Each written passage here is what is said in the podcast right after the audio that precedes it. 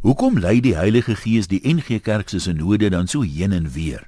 Dis die vraag wat my seun, wat verlede jaar in die Einste Kerk gekatkiseer en as lidmaat aangeneem is, my Sondag vra. Ek herhaal sy vraag hier met die grootste respek, want ek het nie 'n antwoord nie. Dalk het jy. Ek was nog nooit self op 'n sinode sitting nie, maar ek het al foto's daarvan gesien. Dit lyk te loops net soos die foto's wat ek destyds van 'n broedermond sitting gesien het, maar ek aanvaar dis bloot toevallig. Al die NP byeenkomste en kerkraadsvergaderings waarop ek al ooit was, is egter met skriflesing en gebed geopen. En as daar enigstens besluite geneem moes word, is gebid vir leiding van die Heilige Gees. Ongelukkig lyk dit met die perspektief wat net tyd kan bring of hierdie gebede selde indien ooit verhoor is. Op Sondagskool is ek en my seun geleer dat die Heilige Gees as deel van die drie-enige God nie foute maak nie. As 'n mens dit aanvaar, maak my seun se vraag meer sin.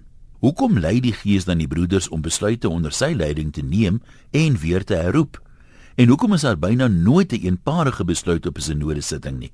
Dit lyk of al die teenwoordiges mag gelei word om te bly by hulle opinies wat hulle gehad het toe hulle daar ingestap het of het die gees al ooit iemand wat konservatief was gelei om 'n liberale besluit te neem of andersom die geskiedenis herhaal homself oënskynlik ook in die NG Kerk jare gelede is genotuleer dat die Heilige Gees die sinode beweeg het om te aanvaar apartheid is die wil van God Na 'n paar dekades is weer genotuleer dat dieselfde Heilige Gees die sinode weer beweeg het, hierdie keer om te besluit dat apartheid inderdaad sonde was teen sommige van God se skepsels.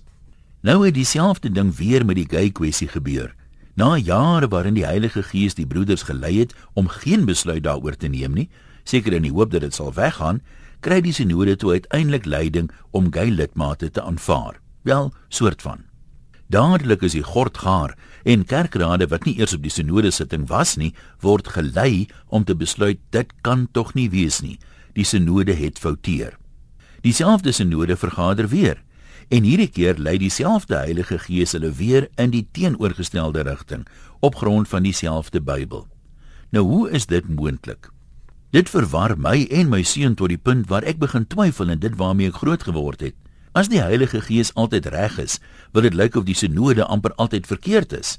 As 'n mens aanvaar dat die Gees wel leiding gee, is dit duidelik dat die oomies op die sinode nie die boodskap kry nie, die boodskap verkeerd verstaan of nie van die boodskap hou nie en dan liewer hulle eie koppe volg. Kies een van bogenoemde of almal van bogenoemde. Almal kan egter nie kies om agter die Heilige Gees te skuil teen al die uiteenlopende besluite wat hulle neem nie. Dis net logies.